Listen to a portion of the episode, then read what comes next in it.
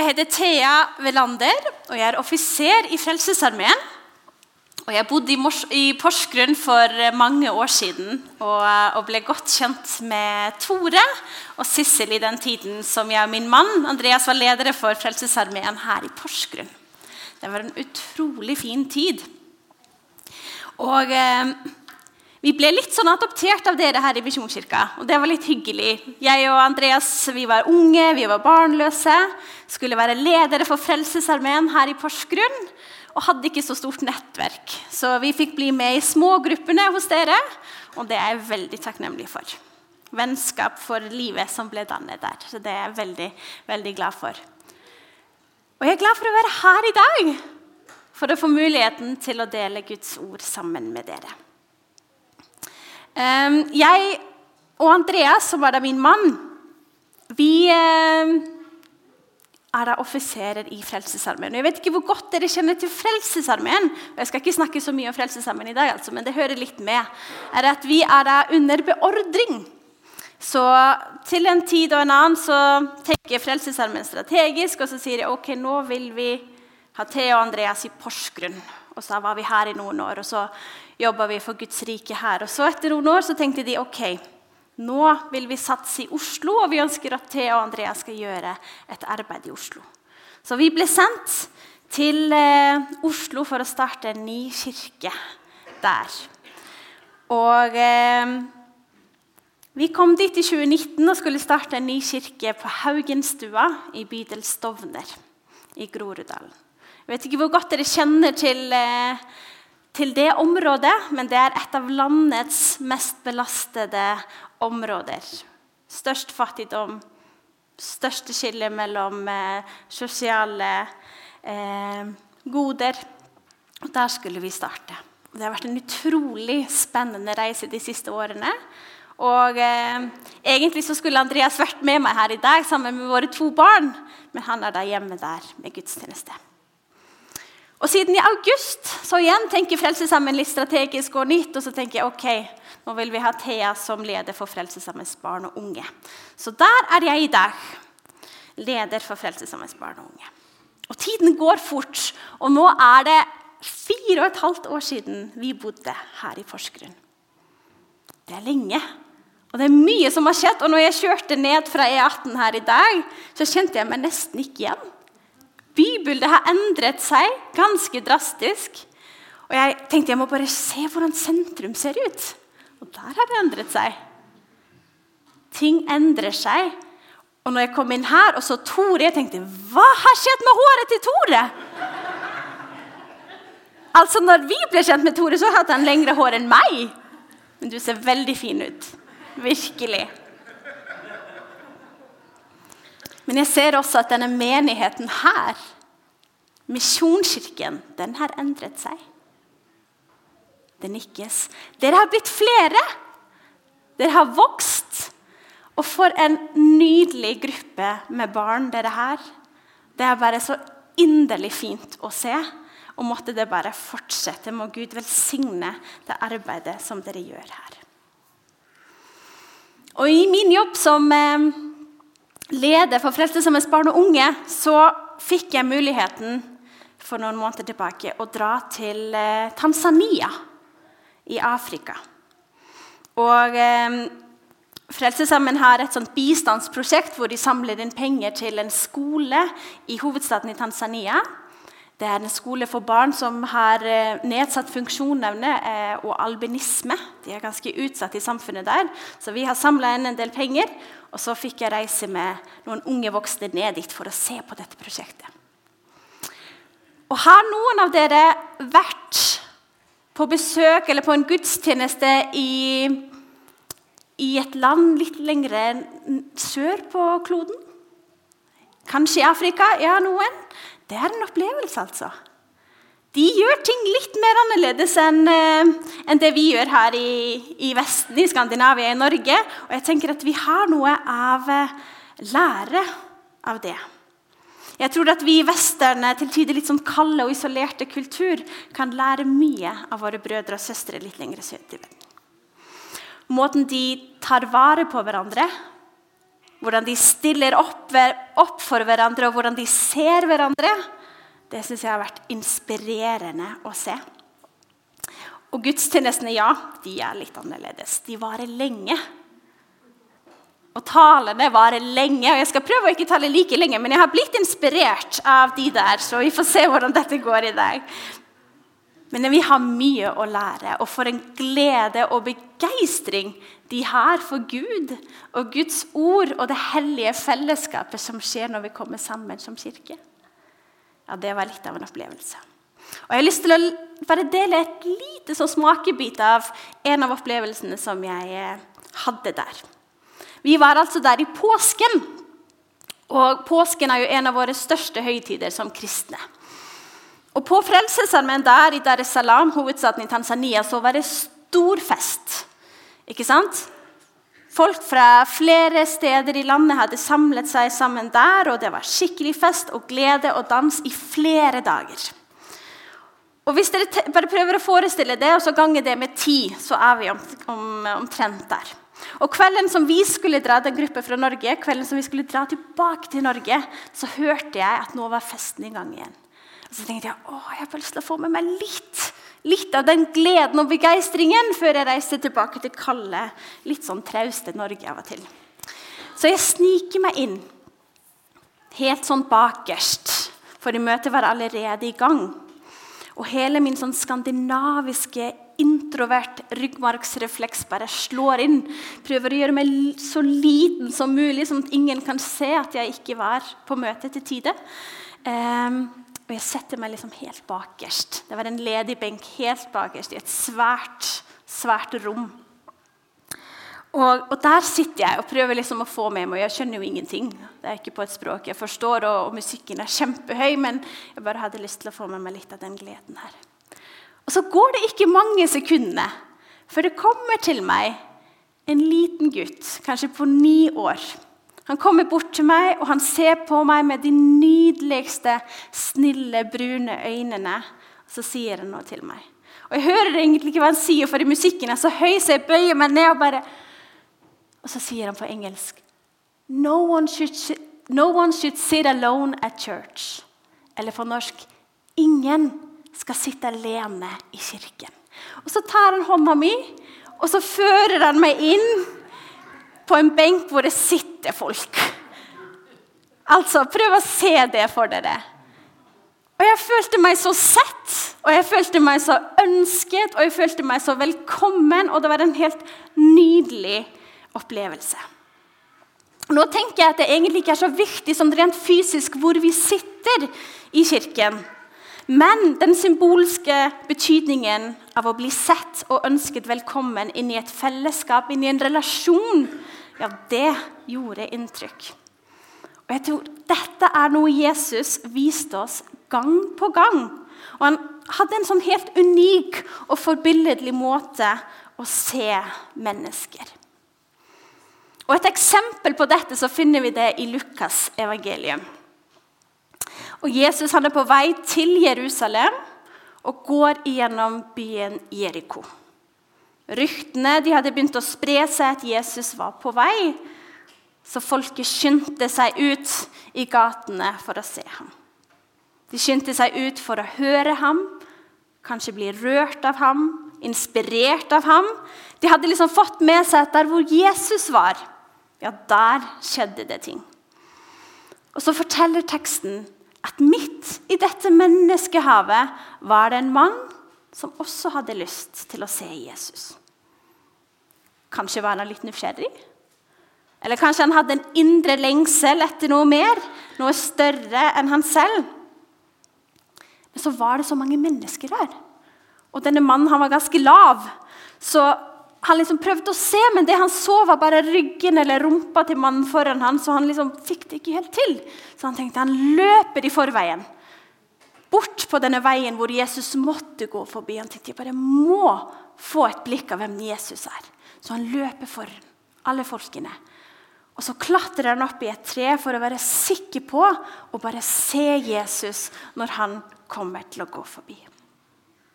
Og når Jesus kommer da med dette menneskehavet Prøv å se for dere at Jesus kommer her gående fra vestsiden og skal over til Porsgrunn-brua her.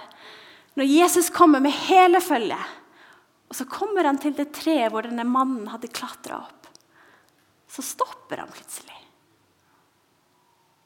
Og så ser han opp, og så kjenner han mannen som hadde klatra opp i treet.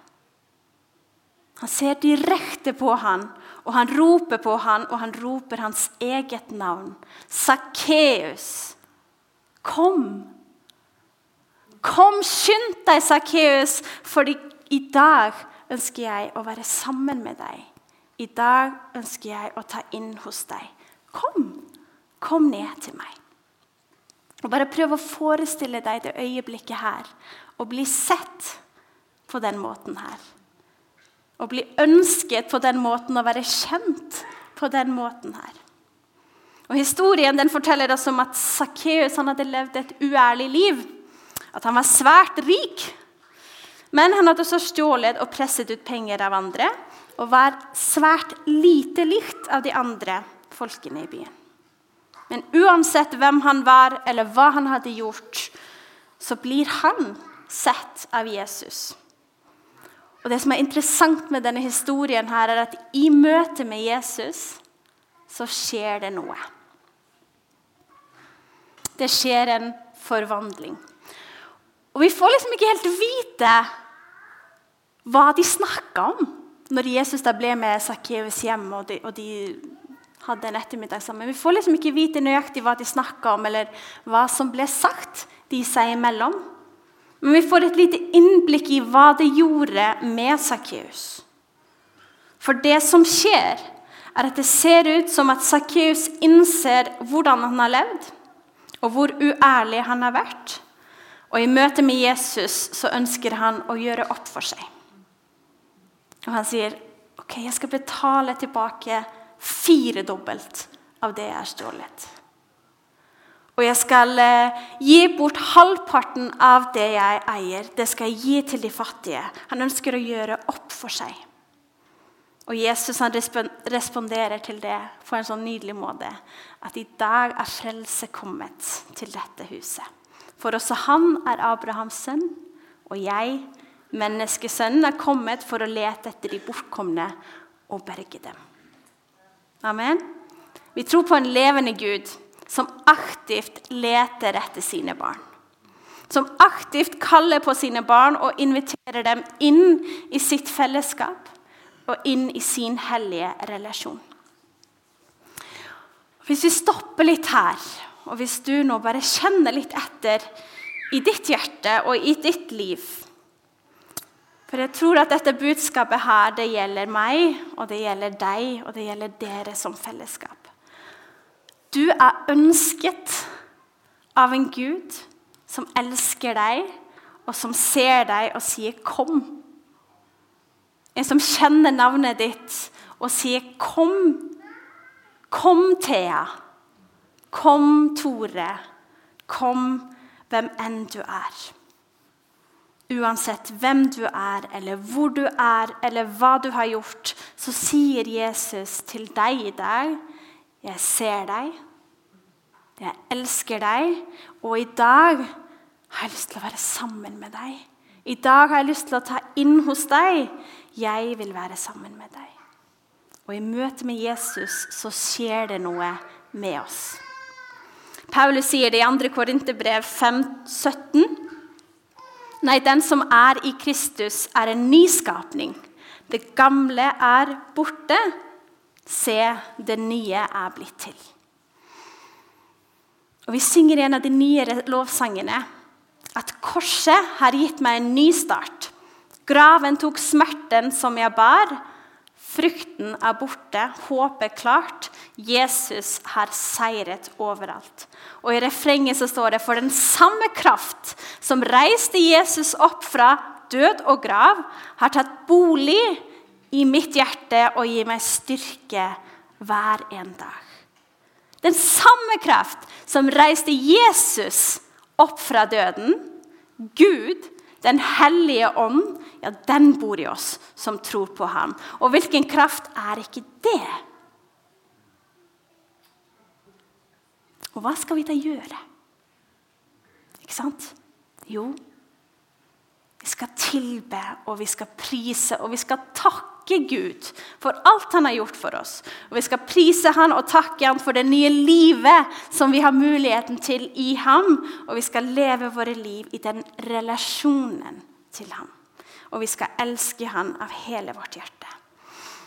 Matteus 22, 37 så står det, og hvis du kan det, så kan du si det med meg. Du skal elske Herren din Gud av hele ditt hjerte, av hele din sjel og av all din forstand. Dette er det første og det største og det viktigste budet. Det handler om deg og din relasjon med Gud. Den levende Gud som ser deg, som kaller på deg, og som elsker deg. Men så fortsetter Jesus i det verset, og han sier men det andre budet er like stort. Du skal elske din neste som deg selv. Mm. Det handler om Gud som ser oss, som elsker oss, og det handler om oss som gjengjelder den kjærligheten til Gud.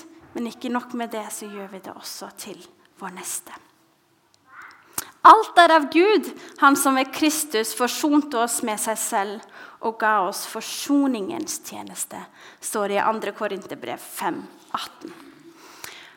Fordi Gud har gitt oss en tjeneste, en mulighet til en tjeneste. En tjeneste som handler om vår neste. En tjeneste som handler om det Gud har skapt, og det Gud elsker. Og vi og dere her i Porsgrunns misjonskirke, dere er et fellesskap, en kirke, en bevegelse som er sendt til verden på oppdrag fra den levende Gud. Og Det er ganske stort. Og hva er det oppdraget? Hva er oppdraget til kirken? Hva er oppdraget til dere her? Jo, Jesus han ga det til sine disipler, og han ga det til oss. Gå og gjør alle folkeslag til disipler. Det står i Matteus 28. Døp dem til Faderens og Sønnens og Den hellige ånds navn, og lær dem alt jeg har befalt dere. Og Denne ordlyden her kan være forskjellig fra kirkesamfunn til kirkesamfunn, hvordan de definerer sine visjoner. Og her i Misjonskirken, nasjonalt i Misjonskirka så har dere Guds barns enhet og menneskers frelse. Ikke sant? Ja. Og her lokalt i PMK så har dere Vi knytter mennesker til Jesus. Nydelig uttalelse. Vi knytter mennesker til Jesus. Det er oppdraget. Det er det dere som kirke skal være med på. Det handler om å dele det man har fått fra Gud, og gjøre det tilgjengelig for andre. Slik at de igjen kan gjøre det tilgjengelig for den neste, sånn at de kan gjøre det tilgjengelig for den neste. Sånn at det sprer seg i eh, generasjoner. Så hvordan deler vi det vi har fått? Hvordan deler vi evangeliet? Hvordan deler vi det Jesus lærte sine disipler, til vår verden i dag? Jeg tror dette er et spørsmål mange av oss grubler litt på og reflekterer mye over. Hva vil det si i dag å ta på alvor det oppdraget som Gud gir oss? Det er en teolog som heter Leslie Newbigin, som fikk et lignende spørsmål. og jeg synes Refleksjonene hans rundt det var litt interessante. Så hvordan kan evangeliet og Dette er det direkte sitat av spørsmålet som han fikk. Denne forunderlige historien om en allmektig Gud som blir menneske. Om en korsfestet herre om en oppstandelse og nyskapning. Hvordan kan dette her bli troverdig for dem som har blitt lært til å tro at den virkelige verden er en verden som blir forklart uten hypotesen om at Gud finnes? Og da svarte teologen Newbigin. Altså, jeg vet bare om én måte det spørsmålet kan besvares på. Bare én virkelig forklaring av evangeliet, og det er en forsamling som tror på det. Vi må tro på evangeliet. Vi må minne hverandre på at det finnes en levende Gud som sendte sin sønn, den enbårne, for at hver den som tror på han, ikke skal gå fortapt, men ha evig liv. Og Som en naturlig konsekvens av den troen så er vi kalt til tjeneste.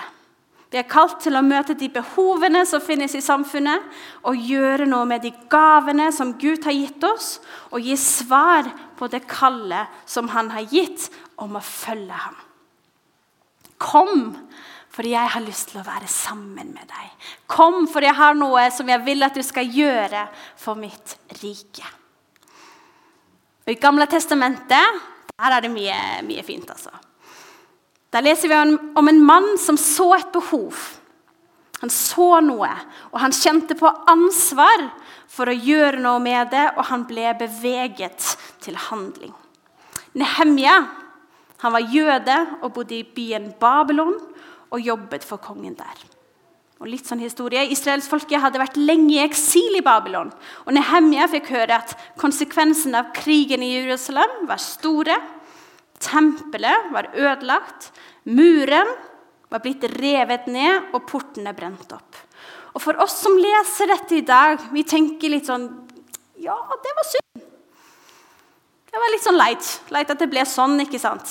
Jeg tror ikke vi tar helt inn over oss alvoret som det betydde at muren ble revet ned. For det ligger noe mer i det. For på den tiden her så signaliserte en mur rundt en by om folket hadde en sterk eller en svak gud. Og Nehemja han gråt og kjente på denne urettferdigheten og tanken om at sånn her kan vi ikke ha det, slo han. Så det han gjør, er at han mobiliserer enorme mengder med folk. Og så sier han i kapittel 2, vers 18.: La oss gå i gang med å bygge. Og hele det tredje kapittelet i Nehemjas bok det bare beskriver hvordan de gjorde det. Øverste presten og brødrene hans bygde saueporten, helliget dem og satte inn dørene. Ved siden av dem bygde Sakkor, sønn av Imre, men ved siden av dem arbeidet, Meremot, sønn av Uria, sønn av Hakkos. Ved siden av dem arbeidet den, ved siden av dem var den. Ved siden av den holdt de på med det, og ved siden av den her så holdt de på med dette. Ved siden av hverandre så bygde de opp denne muren her. Sammen så får vi det til. Og Øystein Gjermes sier i sin bok 'Vi vil' at denne historien her om Nehemia handler egentlig ikke om byggingen av en mur. Det er en historie om en mann som så muligheten for en annerledes framtid. Han forsto den, forsto den større fortellingen om at Gud er virksom i vår verden i dag. Så når jeg ser på dere her i dag, Porsgrunns misjonskirke, når jeg ser det barnekoret her, og når jeg hører om alt det som skjer i løpet av en uke, så er dere med å bygge noe stort. Ser dere det? Dere er med å bygge noe stort der hvor dere er. Side ved side så bygger dere Guds rike. Tore han står ved siden av Vetle, sønn av Vegard, som står ved siden av Tove, som står ved siden av Sissel, som står ved siden av Ole, som står ved siden av Bente, som står ved siden av Lillian, som står ved siden av Anna, som står ved siden av den ene, som står ved siden av den andre. Dere skjønner tegningen. Dere står ved siden av hverandre, skulder til skulder, og sammen bygger dere en kirke for folket. Men dere står ikke alene. Fordi Porsgrunn misjonskirke står ved siden av Frelsesarmen, Bamble og Porsgrunn kirke. Som står ved siden av Metodistkirken, som står ved siden av Frikirken, som står ved siden av Evangeliehuset, som står ved siden av Arena, som står ved siden av den ene og det andre kirkesamfunnet. Sammen med Skien, sammen med Langesund, sammen med hele Norge så bygger vi Guds rike. Og sammen sprer vi det til verdens ende. Så må Gud velsigne dere med det dere holder på med. Må Gud velsigne det helt indre, personlige plan. Hvor Gud møter deg, Hvor han ser deg, hvor han kjenner deg og elsker deg og sier 'Kom, hvem enn du er, hva enn du har gjort, for jeg vil være sammen med deg'. Må Gud velsigne det hellige fellesskapet som dere har her sammen, hvor dere bygger kirke. Og må Gud velsigne byen hvor dere sammen bygger Guds rike sammen med de alle andre. Må Gud velsigne alle de menneskene som blir knytta til Jesus gjennom deres arbeid her. Så la oss gå ut og gå i gang med å bygge. Amen.